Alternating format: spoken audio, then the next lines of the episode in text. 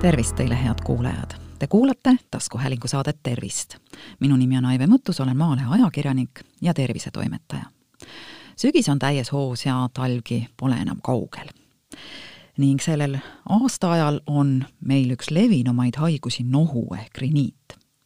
Ägedat lühiajalist nakkuslikku nohu põhjustab tavaliselt viirus kui aga püsib pikaajaline tüütu nohu, mis ära ei lähe, võib teil olla kas krooniline allergiline või mitteallergiline nohu, kirjutab ajakirjas Kodutohter Tartu Ülikooli lastekliiniku allergoloog Maire Vasar nohu sümptomid on nina kihelus, aevastamine, vesine eritis ninast väljapoole või taha, neelu nina tagumisse ossa ning nina kinnisus. Sageli võib sellega kaasuda silmade sügelus enamikul inimestel ilmneb neid vaevusi aeg-ajalt ja alati ei olegi tegemist tõelise haigusega.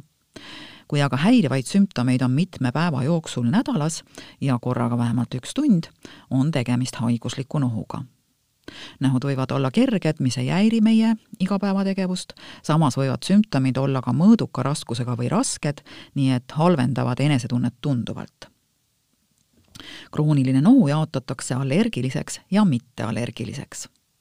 Allergiline nohu on allergeeni kontaktist vallandatud ja IgE vahendatud immunoloogilise mehhanismiga kulgev ninalimaskesta põletik. selline nohu on kõige sagedasem allergiahaigus, mida põeb kümme kuni kolmkümmend protsenti lastest ja täiskasvanutest. Sageli ilmneb allergiline nohu koos teiste allergiahaigustega nagu astma või atoopiline dermatiit allergiline nohu võib olla hooajaline ehk sesoonne, näiteks õietolmunohu, või siis aastaringne. kõigist juhtudest umbes kahekümnel protsendil on hooajalist nohu, neljakümnel protsendil aastaringset nohu ja neljakümnel protsendil aastaringset nohu hooajaliste ägenemistega hooajalist õietolmuallergiast põhjustatud nohu nimetatakse heinanohuks ehk polinoosiks, mida tekitab tuultolmnevate taimede õietolm kevadel põhjustavad äh, sümptomeid lehtpuud, no näiteks lepp, sarapuu, kask ja teised. suvel kõrrelised ja hilissuvel eelkõige korvõieliste sugukonda kuuluv puju. õietolmu hulk varieerub iga päev ilmastikutingimuste tõttu. ka aastate lõikes erinevad õietolmu allergeensus ja hulk suuresti okaspuud on samuti tuultolmnejaid, kuid mändide ja kuuskede õietolm ei põhjusta allergianähte, kuigi õietolmuosakeste kontsentratsioon õhus võib olla väga suur. aastaringset allergilist nohu põhjustavad põhiliselt tolmulesta ja lemmiklooma allergeenid, harva hallitussenteeosed niiskuskahjustusega majas võib kontakt hallitusseentega tekkida, tekitada olulisi sümptomeid, kuigi IgE vahendatud allergiat hallitusseente eoste suhtes tuleb ette siiski harva. toiduained põhjustavad enamasti naha- ja seedekulgla allergianähte. allergilist nohu aga tunduvat harvem allergilise nohu põhjuste väljaselgitamisel on arstidele abiks nahatorketestid või allergiauuringud vereseerumist sümptomite põhjal on allergilist ja mitteallergilist nohu sageli raske eristada. mitteallergilise nohu korral ilmnevad allergilise nohuga sarnased sümptomid, kuid ei selgu põhjus ja pole teada immunoloogiline taust ega reaktsioonimehhanism. nohu vaevab inimest enamasti aasta ringi ning uuringutega põhjuslikku allergeeni ei leita mitteallergilist nohu saab diagnoosida aga alles siis, kui on välistatud allergiline riniit või nakkus mitteallergilise nohuga inimestel on iseloomulik ninalimaskesta ülitundlikkus ning nina veresooned ja närvid reageerivad välisärritajatele liiga tugevasti. kõige sagedasemad mitteallergeensed ärritid on järgmised välis-, sise- või töökeskkonnas olevad ärritavad ained, näiteks heitgaasid, tubakasuits, parfüümid, kodukeemia ja juuksehooldusvahendid, aga ka liimid ja puidutolm. ilmastikutingimused, äkiline temperatuuri ja õhuniiskuse kõikumine. suusatajatel kujuneb sageli mitteallergiline nohu, sest talvel miinuskraadides välisõhk on kuiv. mõnel inimesel võib nohu ägestada isegi õhukonditsioneer. kuiv ja soe keskkond. liiga kuiv sisekeskkond kuivatab nina limaskesta õhk muutub enamasti kuivaks talvisel kütteperioodil, mil siseruumide õhuniiskus väheneb toiduained ja joogid. kuum toit või tee, vürtsikad toidud, alkohoolsetest jookidest õlu ja vein aga ka ülitundlikkus teatud toiduvärvide või säilitusainete suhtes. ravimid, mittesteroidsed põletikuvastased ravimid, nagu näiteks aspiriin ja ibuprofeen, suukaudsed rasestumisvastased vahendid, vererõhuravimid, antidepressandid ja rahustid pikaajaline nina-veresooni ahendavate ninatilkade tarvitamine võib kahjustada nina limaskesta ja nii võib tekkida raviminohu. hormonaalsed muutused, puberteet, menstratsioon, rasedus või muud hormonaalsed seisundid, no näiteks kilpnäärme alatalitus mõnel inimesel aga ei leitagi konkreetset nohu vallandajat ja sellist nohu nimetatakse idiopaatiliseks riniidiks. idiopaatiline tähendab seda, et ei ole kindlat põhjust mitteallergiline nohu on sama häiriv kui allergilinegi. mõlema nohuga kaasneda võivad peavalu, väsimus ja ärrituvus, häiruvad tähelepanu äh, ja keskendumisvõime, mis võib lastel viia õppeedukuse languseni. sageli ilmnevad kroonilise nohuga inimestel suu hingamisest põhjustatud norskamine ja unehäired tüsistustena võib tekkida põsskoopa-põletik, keskkõrvapõletik, krooniline kõha või lõhnatundlikkuse vähenemine kuidas nohu ravida. no kõige tõhusam allergilise nohu ravis on põhjustava allergeeni vältimine või kontakti vähendamine. kuna allergeenset õietolmu või tolmulesta allergeeni pole võimalik keskkonnast täielikult kõrvaldada, tuleb kasutada ka medikamentravi.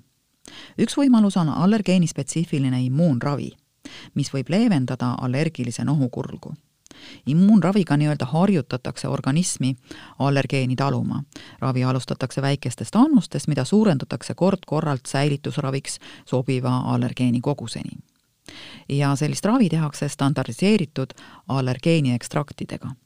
Eestis on ravimid saadaval nahaaluste süstetena ning keelealuste tilkadena pikaajalisema mõju saavutamiseks peab niisugune ravi kestma vähemalt kolm aastat nii allergilise kui mitteallergilise nohu ravis on väga oluline hingamisteede ärritajate, eriti tubakasuitsu vältimine.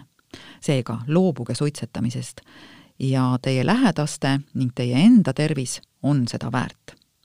vältige nohu ägestavaid ärriteid, parfüüme, lõhnastatud kogu, kodukeemiat. ja paluge ka oma pereliikmetel, sõpradel, töökaaslastel ning kaasõpilastel loobuda lõhnastatud toodetest kuna liiga kuiv toaõhk talvisel keskkütteperioodil kuivatab nina limaskesta, soovitatakse suhtelist õhuniiskust kodus hoida neljakümne kuni viiekümne protsendi piires.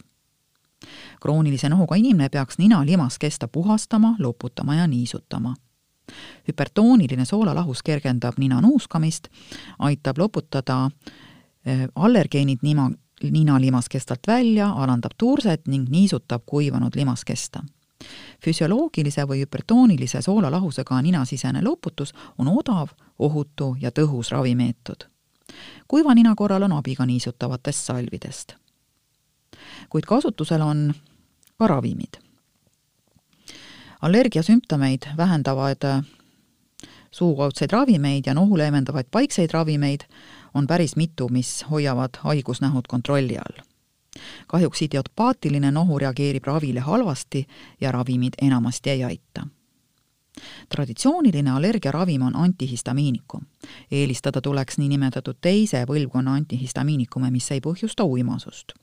Need ravimid on tõhusad aevastamise, ninasügeluse ja vesise nohu korral, kuid toime võib erinevatel inimestel olla erinev seega pole ühte teistest preparaatidest tõhusamat, kõigile sobivat antihistamiinikumi olemas kahjuks on nende ravimite toime ninakinnisusele vähene. ninakinnisuse vastu on aga eriti tõhusad ninna pihustatavad hormoonid. paiksetel kortikosteroididel peaaegu puuduvad süsteemsed kõrvalnähud isegi pikaajalisel kasutamisel. lokaalsed kõrvalmõjud on enamasti kerged, kas nina limaviskoossuse suurenemine või vähene ninaveritsus müügil on ka ninasisene antihistamiinikumi ja hormooni kombinatsioonpreparaat nohuraviks võib kasutada ka nina-veresoondi ahendavaid ninatilku. Need käsimüügiravimid stimuleerivad ninalimaskesta veresoontes olevaid retseptoreid, tekitades tugeva veresoonte ahenemise ja limaskesta turse vähenemise. tuleb aga meeles pidada, et nina-veresooni ahendavaid ninatilku tohib kasutada ainult lühiajaliselt, mitte rohkem kui viis kuni seitse päeva. Sageli on neid vaja just nohu algjärgus, kui paiksete nohuravimite manustamine ninna on väga tugeva ninakinnisuse tõttu raskendatud. on olemas ka suukaudsed ninakinnisust leevendavad ravimid. Need stimuleerivad peamiselt alfa-1 retseptoreid ja nende nina liimaskesta veresooni ahendav toime on märgatavalt väiksem kui paiksetel veresoonte ahendajatel. lastel võib äh, nende tarvitamine siis pikaajaliselt põhjustada kesknärvisüsteemi kõrvalnähte. ühes oma varasemas saates olen rääkinud ka nohu kirurgilisest ravist, kuid üldjuhul ei ole operatsioon allergilise nohu ravimeetod ja kirurgilist ravi soovitatakse tüsistuste korral samas võivad lastel ninakinnisust tekitada ka suurenenud adenoid ja mõnikord võõrkeha. Nohu ja ninakinnisust võivad põhjustada ka ninapolüübid või ninakäikude anatoomilised vead, näiteks ninavaheseina kõverus. Neid kõrvalekaldeid diagnoosib kõrva-nina-kurgu arst ninasisese endoskoopia või kompuutertomograafia abil. paraku on sel juhul abi tõesti ainult operatsioonist mille käigus siis kas adenoidid või polüübid eemaldatakse ja ninemahesein kirurgiliselt sirgemaks muudetakse. Meeles võiks kroonilise nohu puhul pidada aga seda, et allergilise nohuga inimestel on obstruktiivse uneapnoe oht ja kolm korda suurem risk haigestuda astmasse samas võivad nii allergiline kui mitteallergiline nohu aastate jooksul kergeneda või isegi kaduda. ja see on ju hea uudis arstiga konsulteerimist on kroonilise nohu puhul igal juhul vaja teha, arvan mina, sest allergoloog aitab teil tuvastada nohu allergilisi ja mitteallergilisi vallandajaid, anda nõu keskkonnakontrolli viiside ja ravimite kohta. Neid nõuandeid järgides saate jälle läbi nina hingata ja taskurätikud unustada. head kuulajad, Te kuulasite taskuhäälingu saadet Tervist. saate leiate Delfi podcastide pesast tasku, nutirakenduste Spotify, Apple Podcasts, SoundCloud ja teised. Hakake jälgijaks ja kuulake just teile sobival ajal. ettepanekuid teemade kohta, mida saates käsitleda, ootan teilt e-posti teel aadressil tervist.maaleht.ee. minu nimi on Aive Mõttus, olen Maalehe ajakirjanik ja tervisetoimetaja. tervist teile!